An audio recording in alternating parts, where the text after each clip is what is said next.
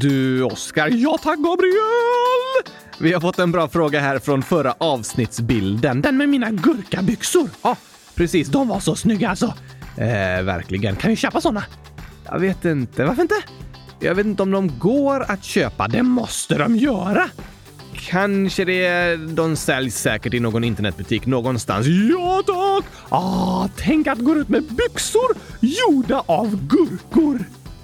Alltså byxorna var inte gjorda av gurkor.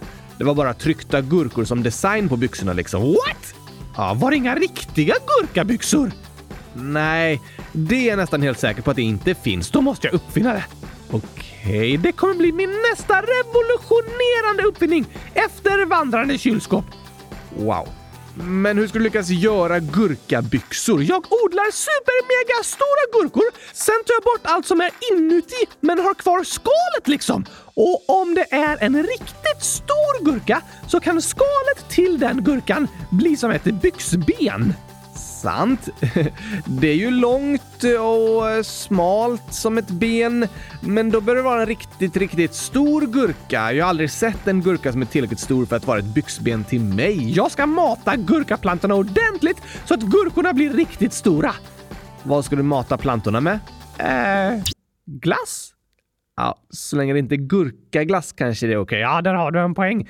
Men alltså gurkabyxorna kommer bli så populära för de är sköna samtidigt som de är supersnygga.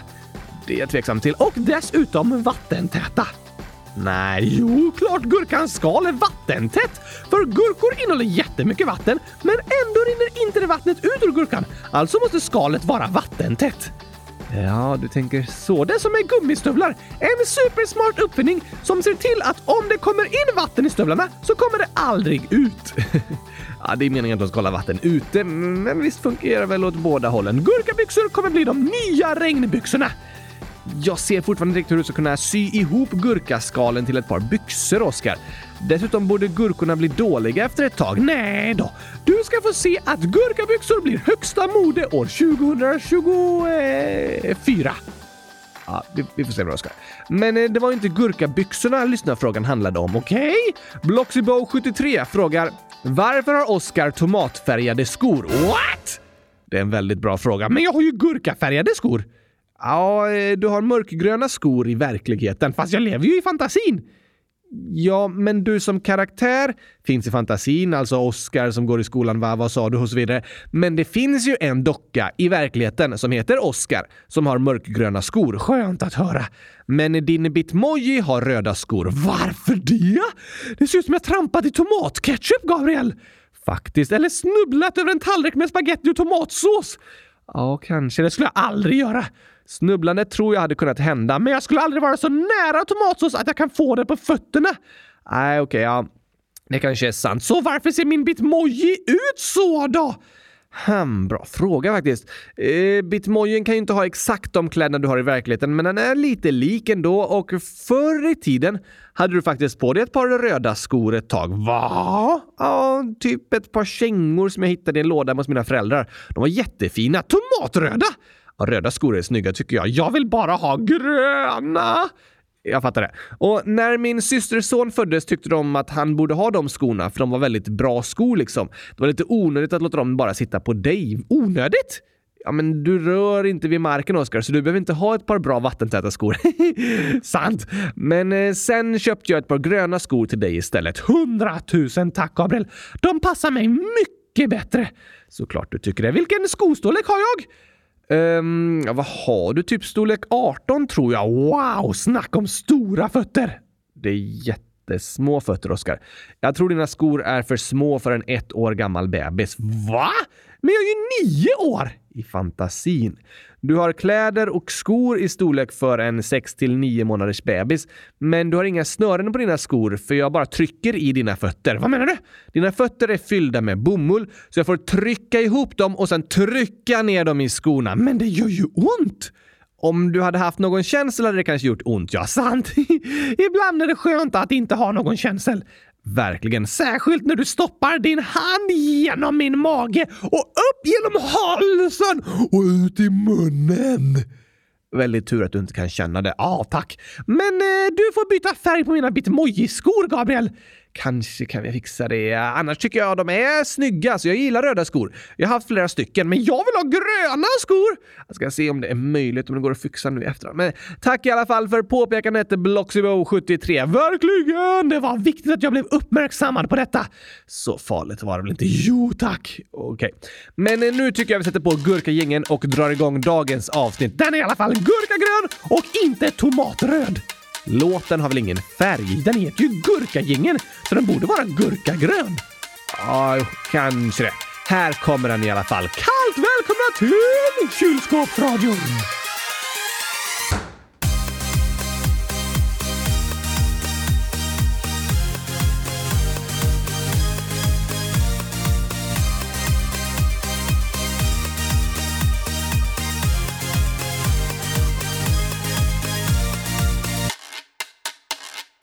Uh,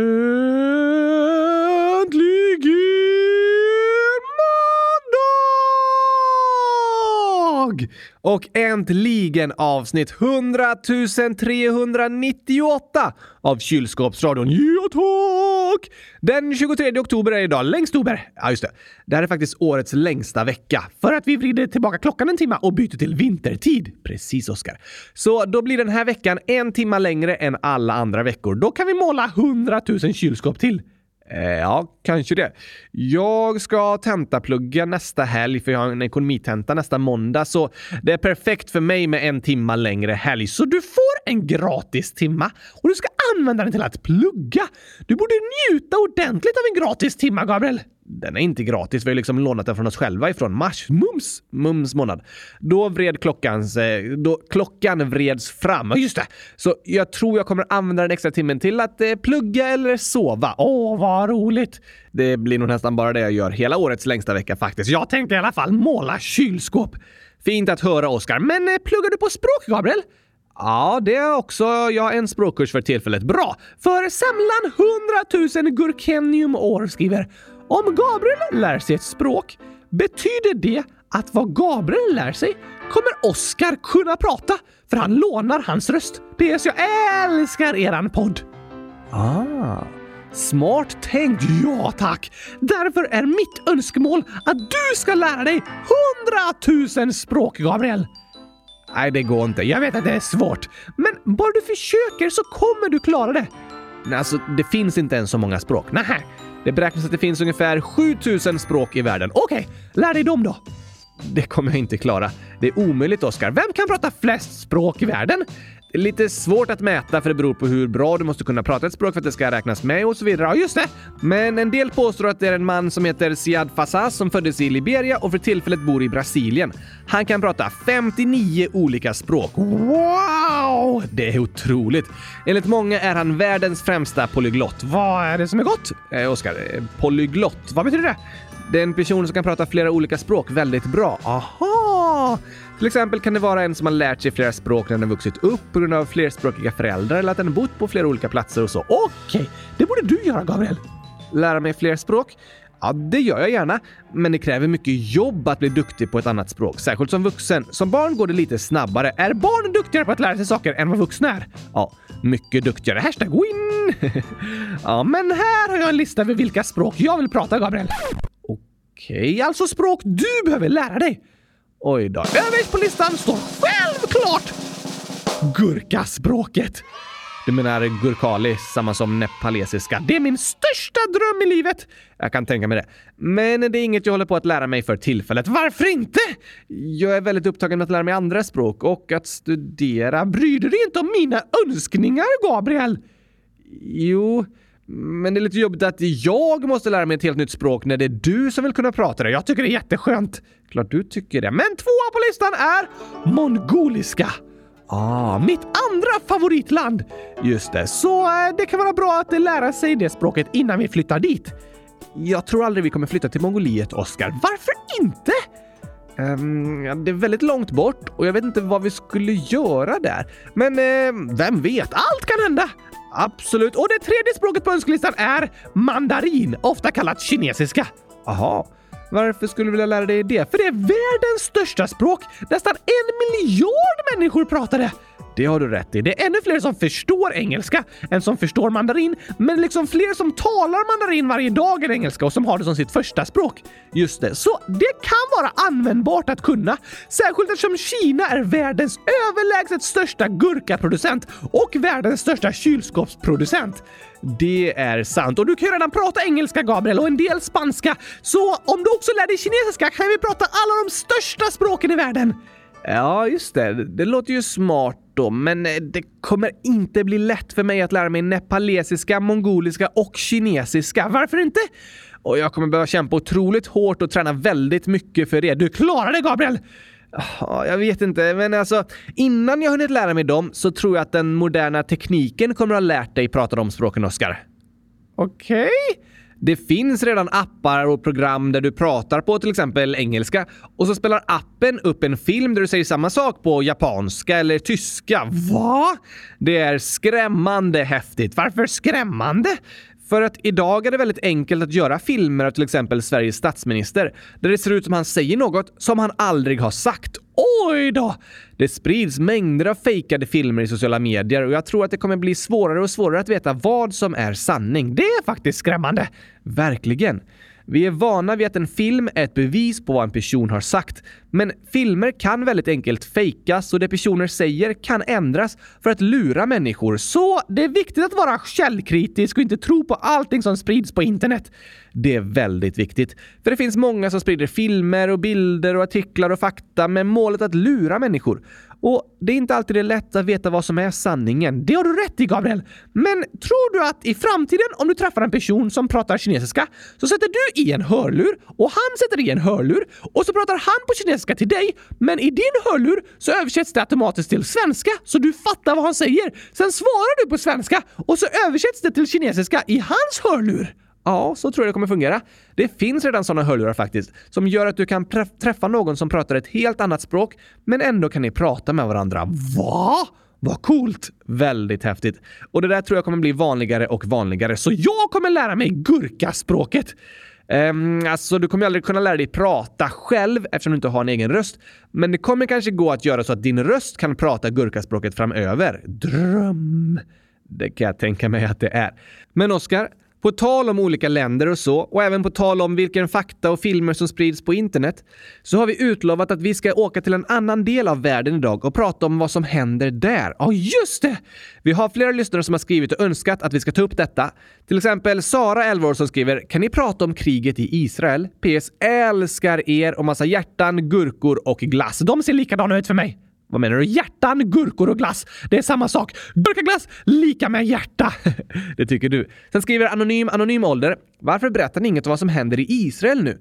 Vi är många som mår dåligt av dessa saker vi ser på TV. Det förstår jag! Och Tyra skriver. Kan ni prata om Palestina och Israel i nästa avsnitt? Bra förslag! Ja, verkligen.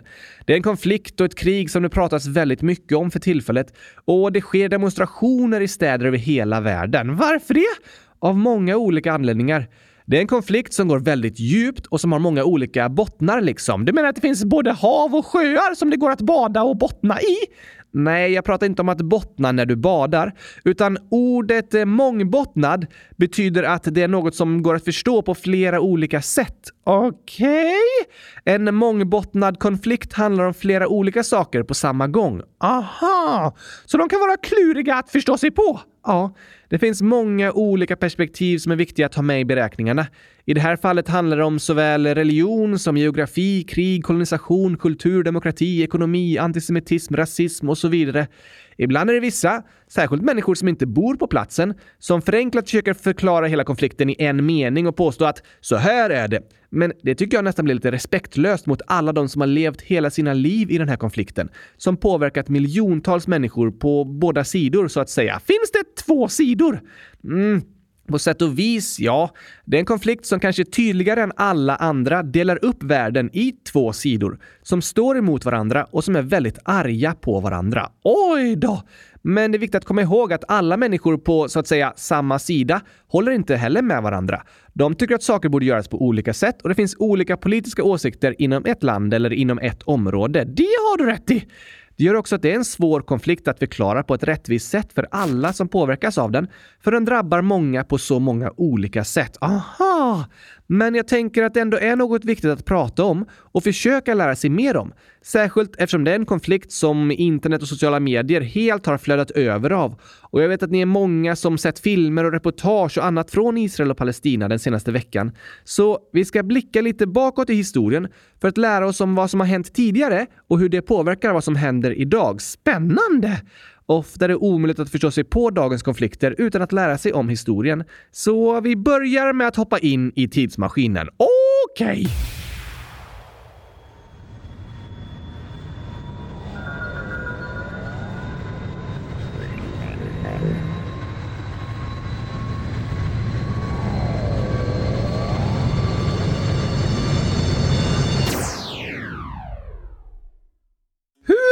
Tillbaka i tiden ska vi åka, Gabriel? Ja, du, det är en bra fråga, Oskar. Olika personer har olika åsikter om det, för de fokuserar på olika händelser som de anser vara viktiga för att förstå situationen idag. Okej? Okay?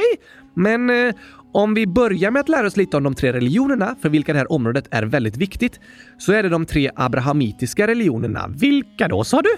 Jo, det är judendom, kristendom och islam som är tre religioner som alla anser att deras liksom grundare är ättling till en man som heter eh, Abraham, eller hette Abraham. Vilka är deras grundare? Moses är ju judendomens eh, typ grundare, men Moses är även en viktig person inom kristendomen. Gamla testamentet i den kristna bibeln är liksom samma heliga skrift som inom judendomen. Men sen finns även det nya testamentet inom kristendomen som handlar om Jesus och det är ju liksom kristendomens grundare. Ja, just det. Och både Moses och Jesus är viktiga profeter inom religionen islam som grundades på 600-talet efter Kristus av Mohammed. Aha! Så alla tre religionerna delar samma grund? Till viss del. Och det är därför de ofta kallas de tre abrahamitiska religionerna och det är därför de kommer från samma område. Och staden Jerusalem, som är en av världens äldsta städer, är en helig stad inom alla de tre religionerna. Därför finns där många historiska byggnader och både israeler och palestinier säger att Jerusalem är deras huvudstad. Så det är en viktig plats för väldigt många människor.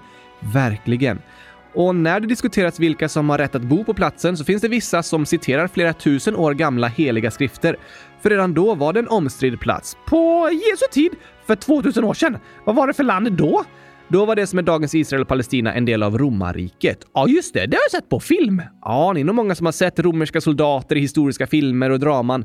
Då kallades området för Judeen och det skedde flera judiska revolter mot romarna som bland annat ledde till att judarna blev ett väldigt utspritt folk. Senare var området en del av Östrom, även kallat Bysantiska riket, och arabiska kungariken, islamiska kalifat, en korsfararstat och Osmanska riket, som styrde över området i början av 1900-talet när vi börjar vår berättelse. Vilka bodde där då? Då var majoriteten av invånarna arabisktalande palestinier och de flesta judar levde i olika europeiska länder.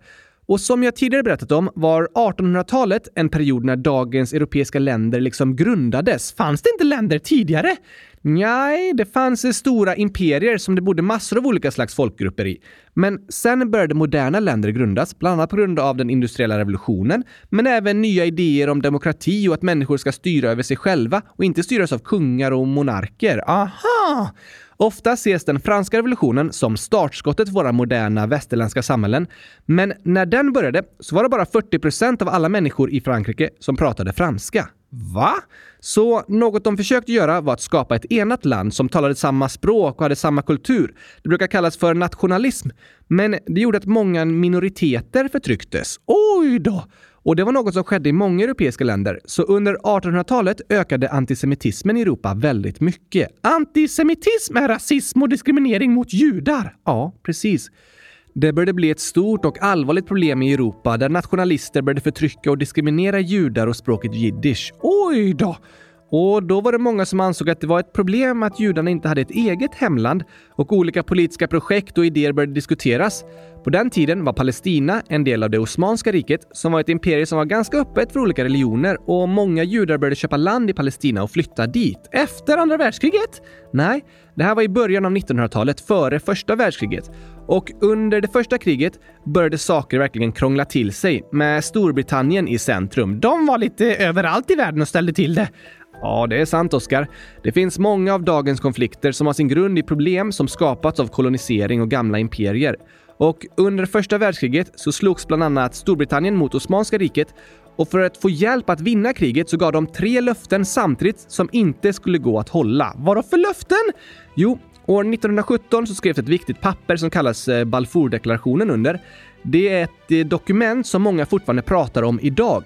För i det så lovar Storbritannien att judarna ska få ett nationellt hem i Palestina om de hjälper till att slåss mot Osmanska riket. Aha!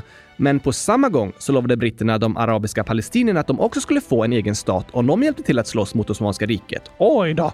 Och på samma gång skrev Storbritannien ett avtal med Frankrike där de delade upp Mellanöstern och gamla osmanska territorier mellan varandra. Det är inte smart att lova samma sak till tre olika personer. Nej. Under kriget gick det bra och det Osmanska riket besegrades och området övergick till brittiska Palestinamandatet som det kallades. Var det en koloni? Ja, det kan man säga. Men det blev problem då eftersom britterna hade lovat området till tre olika grupper. Vad hände då? Många judar fortsatte att flytta till det som då var brittiska Palestina och den judiska befolkningen ökade från 80 000 till en halv miljon på 20 år efter första världskriget. De började kallas för sionister, för Sion är ett gammalt namn för Jerusalem och landet Israel. Så sionism kallas liksom den politiska övertygelsen om att judarna ska bo i landet Israel. Det här var samma period som antisemitismen ökade kraftigt i Europa med nazismen och fascismens framtåg. Det var därför många flyttade. Ja, ah, just det. Men den arabiska befolkningen som bodde i Palestina och som hade bott där i flera tusen år var inte så glad och började göra uppror mot den brittiska ockupationen och mot den judiska befolkningen som flyttade dit. Det utvecklades nästan till ett slags inbördeskrig. Aha, och sen kom det andra världskriget. Ja. Och under andra världskriget skedde det som många ser som världshistoriens värsta folkmord. Där en tredjedel av den europeiska judiska befolkningen mördades i det som kallas för Förintelsen. Det är en av världshistoriens allra mörkaste berättelser, Gabriel. Ja, det är det. Det var ett folkmord på en grupp människor baserat på rasism och fruktansvärda idéer av rasideologi och fördomar och hat. Hela världen såg vilka outgrundliga hemskheter som antisemitismen kunde leda till. I avsnitt 100 027 pratar vi mer om Förintelsen och andra världskriget. Det gör vi. Det är en hemsk berättelse, men som måste berättas om och om igen, för den får aldrig glömmas. Ja, tack! Och även i historien om landet Israel så spelar Förintelsen och andra världskriget en viktig roll.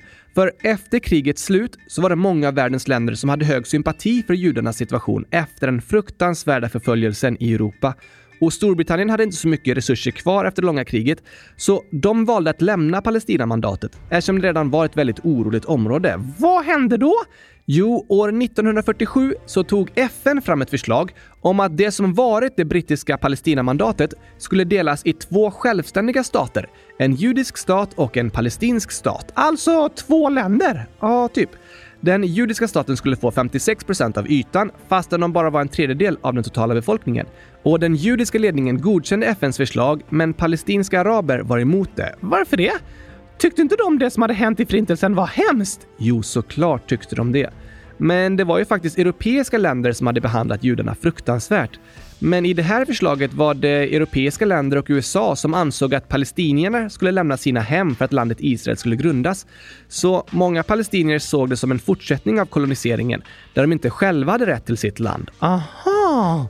Så det blev först ett inbördeskrig och andra arabisktalande länder var på palestiniernas sida så dagen efter att landet Israels självständighet hade utropats den 14 maj år 1948 så invaderades landet av Egypten, Irak, Syrien och Transjordanien och det så kallade arab-israeliska kriget började. Så de höll inte med varandra om FNs uppdelning av området? Nej. Men kriget 1948 slutade med att 700 000 palestinier tvingades fly från sina hem. På arabiska kallas detta för Nakba, som betyder katastrofen. Aha. Är det något som många pratar om än idag? Absolut, den händelsen pratas det om hela tiden. Under de fredssamtal som har hållits mellan Israel och Palestina under de senaste 70 åren så återkommer kravet från palestinierna att de hundratusentals människor som tvingades fly från sina hem år 1948 ska få flytta hem igen. Men eh, de båda sidorna håller inte med varandra om vad som hände. En sida kallar det för en etnisk rensning medan den andra säger att de flydde frivilligt. Så det är något som fortfarande diskuteras? Ja. Och efter kriget år 1948 så kontrollerade Israel ett större område än vad som stod i FNs avtal och de flesta palestinier bodde i två områden, Västbanken och Gazaremsan. Det känner jag igen. Det är två väldigt omtalade områden. Den här veckan särskilt Gazaremsan, som är ett litet avlångt område ut med havet på gränsen till Egypten. Aha! Och krigen skulle fortsätta under andra delen av 1900-talet. År 1967 skedde det så kallade sexdagarskriget när grannländerna än en gång invaderade Israel och det slutade med att Israel tog kontroll över både Västbanken och Gazaremsan. Sen under åren som följde så skedde från palestinskt håll flera små och även ett par större våldsamma uppror. De organiserade även terroristattacker i andra delar av världen, som under OS i München 1972.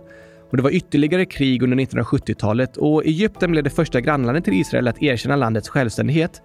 Och relationerna i området började bli lite bättre så att de på 90-talet kunde komma fram till ett fredsavtal som kallas Oslo Accords. Oslo-avtalet? Ja. Då gick Israel med på att dra tillbaka sina trupper från Gaza och Västbanken och den palestinska ledaren Arafat erkände landet Israels rätt att existera samt tog avstånd från våld mot Israel. Det gjorde att han tilldelades Nobels fredspris tillsammans med de israeliska ledarna. Aha, blev relationerna mellan länderna bättre sen?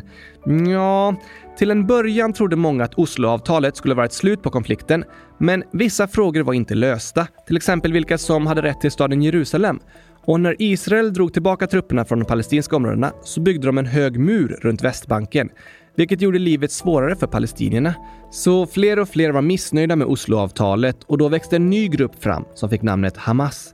De var helt emot Osloavtalet som de ansåg som dåligt för Palestina och de var emot landet Israels rätt att existera. Det namnet känner jag igen. Ja, det är organisationen Hamas som många pratat om de senaste veckorna och det skedde en splittring i de palestinska territorierna mellan de som stöttade Osloavtalet och de som stöttade Hamas. Först var det en folkomröstning och senare en form av inbördeskrig som slutade med att Hamas kontrollerade Gazaremsan.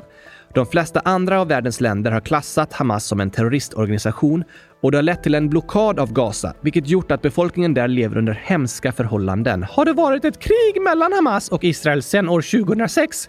Ja, inte ett fullskaligt krig sedan dess, men det har vid flera tillfällen skett att Hamas bombat Israel och Israel invaderat Gazaremsan eller bombat tillbaka.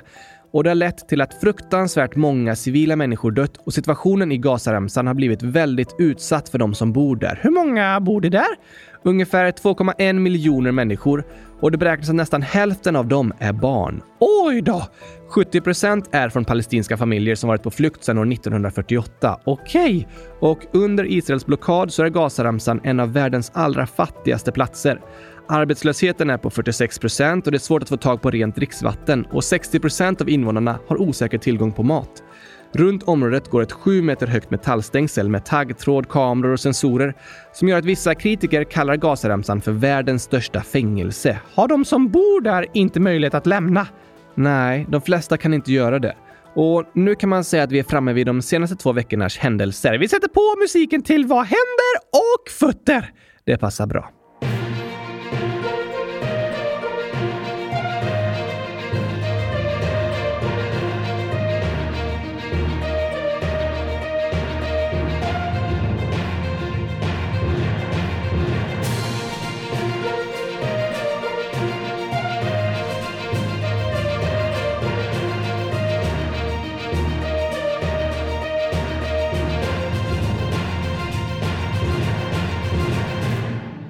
Vad är det som har hänt, Gabriel?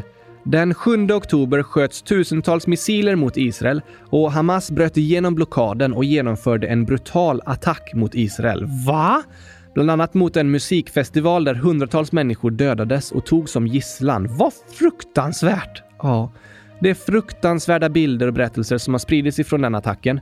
Många har kallat det den blodigaste dagen i Israels historia och det dödligaste för judar sedan Förintelsen. Oj då! Många världsledare var snabbt ute för att fördöma den fruktansvärda terroristattacken och mördandet av civila. Det är fruktansvärt när oskyldiga människor drabbas av krig och hemskheter. Ja, jag håller med. Och den senaste attacken blev starten på ett krig mellan Hamas och Israel och Israel har svarat med fruktansvärd militär styrka mot befolkningen i Gaza. En total blockad har inletts där elektricitet, mat och bränsle har slutat levereras och den israeliska militären gav människor som bor i norra Gaza en dag på sig att lämna sina hem. Vart ska de ta vägen någonstans? Det finns ingenstans att ta vägen och FN varnar för att evakueringen kommer ge svåra humanitära konsekvenser. Oj då! Men hundratusentals människor har redan lämnat sina hem och tusentals har dödats i bombningar av Gaza. Flera hundra av dem är barn. Så det är många oskyldiga människor på båda sidor av kriget som dött? Ja. Båda sidor anklagas för fruktansvärda krigsbrott, som det kallas när oskyldiga människor attackeras. Oj då! Och över hela världen sker nu en hetsig diskussion mellan politiker och olika grupper i samhället över vilken sida de stöttar i konflikten. Det pågår stora demonstrationer i de flesta stora städer, där vissa är med stöd till Israel och andra demonstrationer är med stöd till Palestina. Och i sociala medier uttrycks mycket sorg och oro, men även väldigt mycket hat. Va? Och människor i andra länder drabbas också. Efter att konflikten startade så har antalet hatbrott mot både judar och muslimer ökat kraftigt. Det är fruktansvärt! Ja, det är det. Ingen ska behöva vara rädd för att bli utsatt för hot och våld på grund av vem den är eller vilken religion den tillhör. Det är aldrig okej. Okay. Aldrig! Men vad kommer hända nu, Gabriel? Det är väldigt svårt att säga. För tillfället är det ett fullskaligt krig och det är många som är oroliga för hur människorna i Gaza kommer drabbas. Samtidigt som många är oroliga för de som fortfarande är tagna som gisslan av Hamas och för hur antisemitismen mot judar över hela världen ökar. Det förstår jag. Och det är en väldigt, väldigt hård stämning mellan de olika sidorna, även i andra länder. Så fort en offentlig person publicerar stöd för den ena sidan möts den av otroligt mycket hat och förakt från den andra sidan. Det var det jag menade när jag sa att den här konflikten delar upp världen på ett sätt som ingen annan konflikt gör. Varför det, tror du? Jag tror att det till stor del har med religion att göra, då det på sätt och vis är en konflikt mellan världens två största religioner. Men sen tror jag också att det har att göra med väldigt olika perspektiv av konflikten från människor i olika delar av världen. Hur då menar du? Många av de som stöttar palestiniernas kamp fokuserar på konflikten som en del i avkoloniseringen. Samma som har skett i Afrika och Asien? Ja.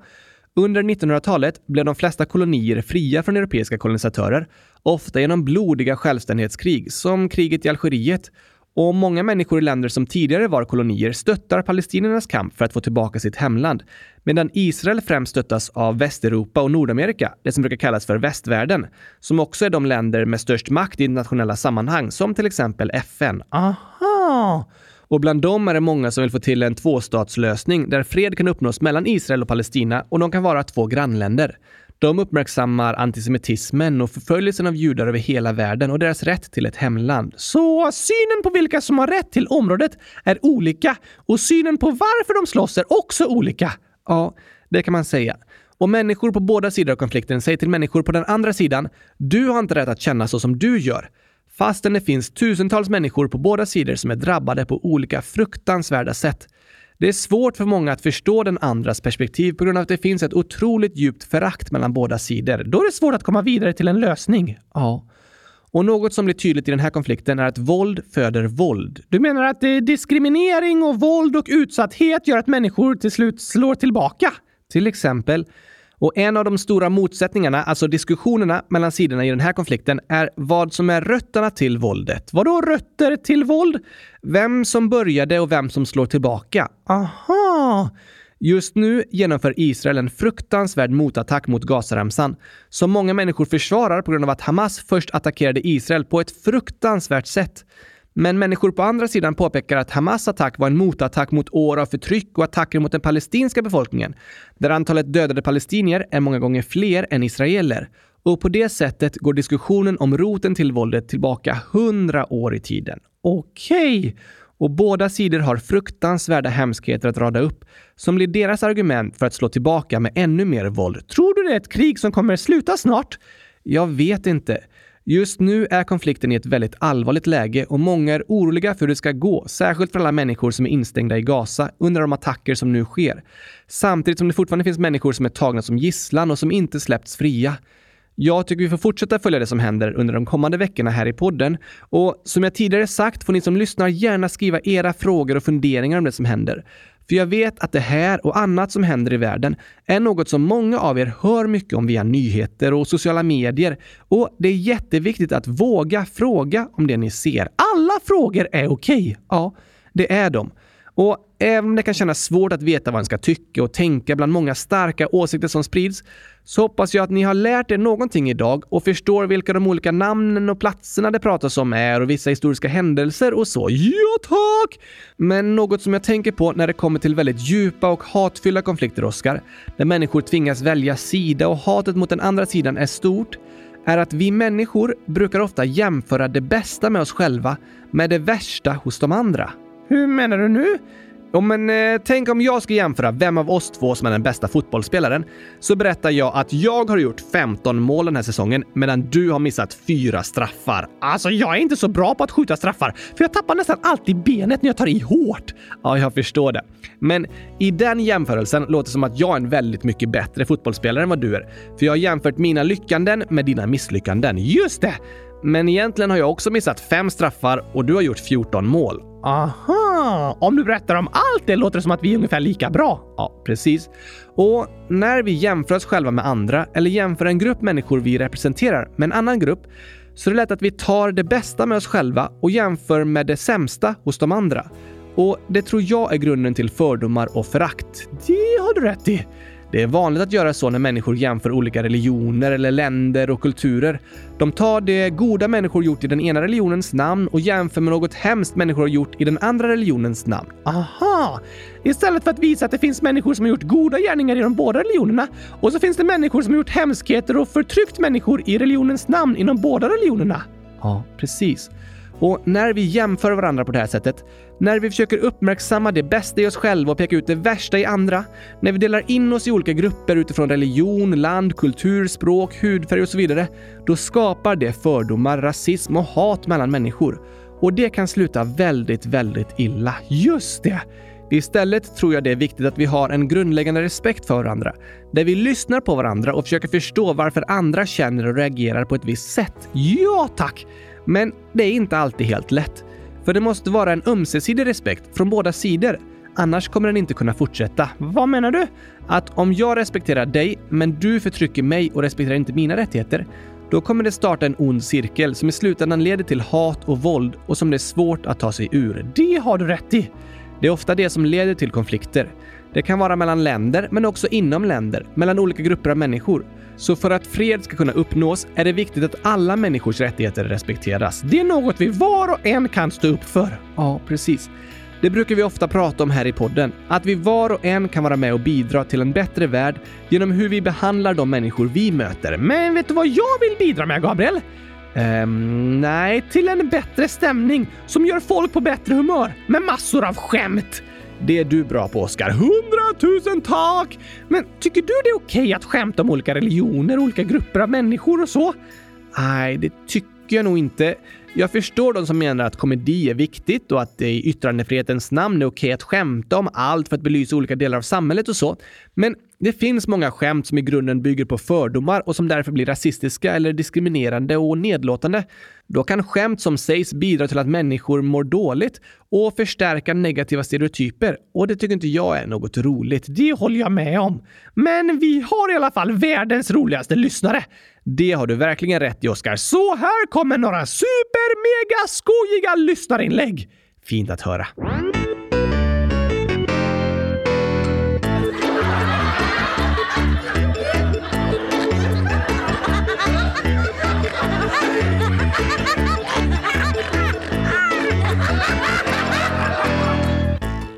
Har vi ett skämt här från Otto Bacon, 100 000 år, som skriver riktiga tokerier. Ett skämt. Det var en gång en cirkusdirektör som letade efter artister. Aha. Plötsligt ringde det i hans mobil. Han svarade. Det var en person som sa att han hade en talande häst som var bäst i test. Direktören sa att han trodde inte på personen, så han la på.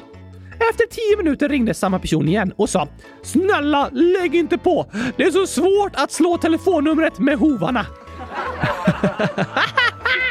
Oh, det var alltså hästen som ringde och sa Hör mig, jag är en talande häst! Jag borde vara med på din cirkus! ja, men cirkusdirektören trodde inte på honom, men det borde han göra för hästen pratade ju i telefon! Men det är svårt att slå på telefonen med hovarna, det kan jag fatta. Det är ungefär som för mig som ska slå på telefonen med näsan. Inte enkelt! Det var ett tokigt skämt, Otto Bacon. Ja tack, jag önskar få träffa en talande häst någon gång. Kanske det. Om du går på den här cirkusen så kanske den finns där, men det är ju i fantasin. Ja, absolut. Men det var ett väldigt tokigt skämt. I slutet står det även PS. Ni är bäst i test. Åh, vad snällt sagt! Ditt skämt var bäst i test! Det håller jag verkligen med om. Och nästa är skrivet av Kylskåpsradion är bäst i hela världen. Nämen, vad snällt sagt! Älskar er så mycket. Till Oskar. Du är bäst i test och så rolig. Älskar dig. Nu börjar jag nästan gråta fast jag inte kan gråta. Till Gabriel. Du är så smart och bäst. Ni är bäst. Alltså vilka fina ord! Otroligt fina. Sen står det PS. Snälla ta med mig i podden. Det gör vi gärna! PS. Jag älskar gurkor. Oh la la. PSS. Skämt. Ett dåligt skämt. Jag vill höra. Varför hänger tavlan på väggen? Oh. Varför den hänger på väggen? Ja, för att det är ett otroligt vackert kylskåp på tavlan. Ja, det skulle det kunna vara, men eh, det är fel. Aha! Är det en gurkatavla? Inte det heller. Det är väl inte en tomattavla? Nej, Oskar, oroa dig inte. Oh, det hade inte jag hängt upp på min vägg i alla fall. Kan jag tänka mig. Men varför hänger den här tavlan på väggen? Äh, står det ett recept till gurkaglass? Inte det heller. Det har inget med gurkor eller kylskåp att göra. Va? Finns det tavlor som inte har med gurkor och kylskåp att göra? De flesta tavlor har inte med det att göra. Men de flesta tavlor är ju fyrkantiga. Ja, vad menar du? Så de ser ut som ett kylskåp? Ja, om de är liksom eh, fyrkantiga, avlånga uppåt, att de hänger eh, eh, vertikalt med sin längd. Då kan de se ut som stående kylskåp i sin form, men jag tycker ändå inte de ser ut som kylskåp. Nej. Och det här skämtet har med något helt annat att göra. Okej, okej, okej. Jag kan inte komma på varför tavlan hänger på väggen. Svar. Den vill inte ligga på golvet. Nämen! Det är en bra anledning faktiskt. Väldigt tokigt. Jag förstår att inte tavlan vill ligga på golvet. Såklart det är roligt att hänga på väggen och visa upp sig för hela världen. Kolla vad vacker jag är! Jag har hundratusen kylskåp på mig! Det var inte kylskåp på den här tavlan. Det står inte om i skämtet. Nej, sant. Det kanske är en kylskåpstavla och den vill inte ligga på golvet. Verkligen inte. Sen är det massor av gurkor och så står det PS hitta felet och eh, det är bara gurkor och hjärtan. Det är inga fel här. Eh, jag ska se här. Felet var, du kan nog gissa. Om inte så skrev jag Fället istället för felet. Tack och hej gurkapastej! Ah, med två L! Jag missade helt det när jag läste. Där blev vi riktigt lurade. Ja tack! Tack för skämtet! Hundratusen tack för det. Och sen så står det en liten kluring här från Gurkis 9 år som skriver Vad är det för likhet mellan en citron och Oscar i chokladfabriken? Va? Jag vill inte vara i chokladfabriken. Nej, det förstår jag. Alltså är rätt svar det finns inte. Vad menar du? Citronen finns inte! För du kanske ätit upp den eller någonting. Och jag finns inte i chokladfabriken! Mm, ja, det, det var en bra gissning. För det har någonting med att göra att du inte tycker om chokladfabriken. Men det är ändå fel. Va? Du är i chokladfabriken i det här skämtet. Jag, jag inte! Det är bara på skoj. Okej då! Om du skulle vara i chokladfabriken, vad skulle det då vara för likhet mellan dig och en citron? Ehm,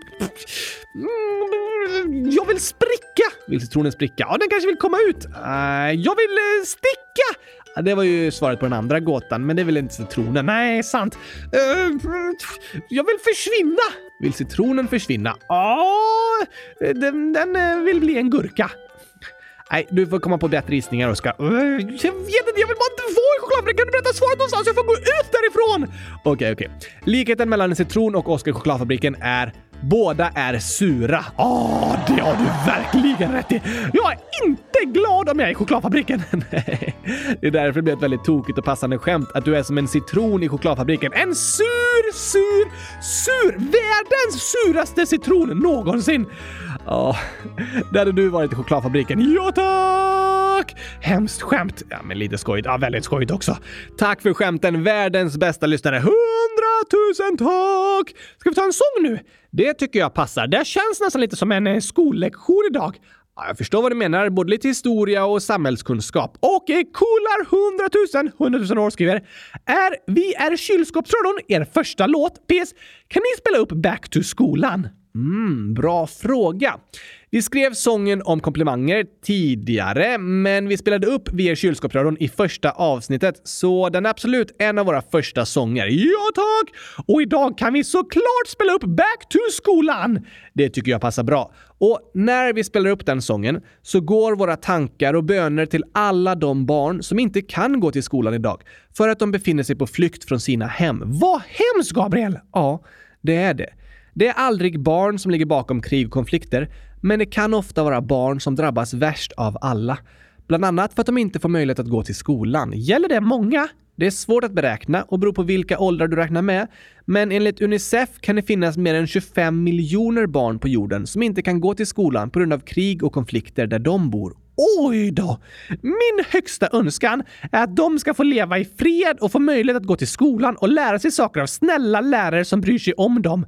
Det önskar jag också. Så när vi spelar upp Back to skolan idag är det som en bön och önskan för alla de barn som är på flykt att de ska få komma hem igen och få komma tillbaka till skolan. Hundratusen ja tack!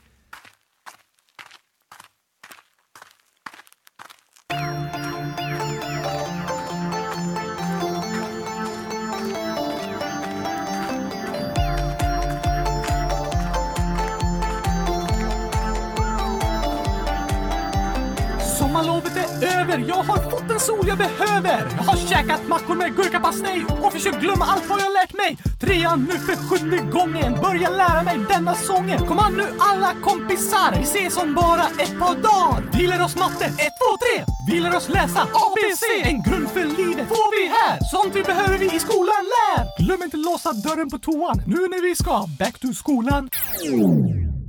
Skolan kan kännas tråkig och bråkig. Läxor kännas som straff. Och vi får aldrig gurkaglass Men någonstans där inne så vet vi att skolan är som en julklapp man går i.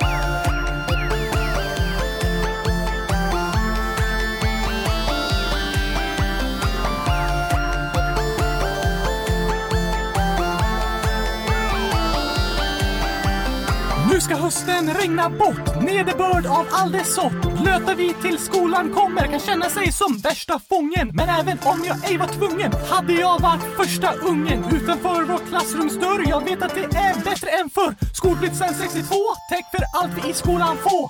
Även om det är lite kass att vi aldrig får gurkaglass. Glöm inte låsa dörren på toan nu när vi ska back to skolan. Skolan kan kännas tråkig och bråkig. Läxor kännas som straff och vi får aldrig gurkaglass. Men någonstans där inne så vet vi att skolan är som en julklapp man går i.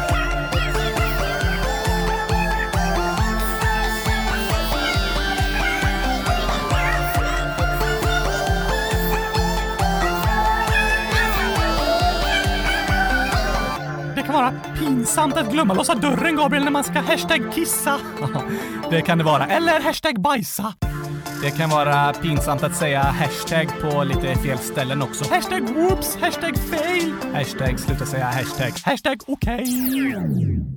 Skolan kan kännas tråkig och bråkig. Läxor kännas som straff och vi får aldrig gurkaglass. Men julklapp man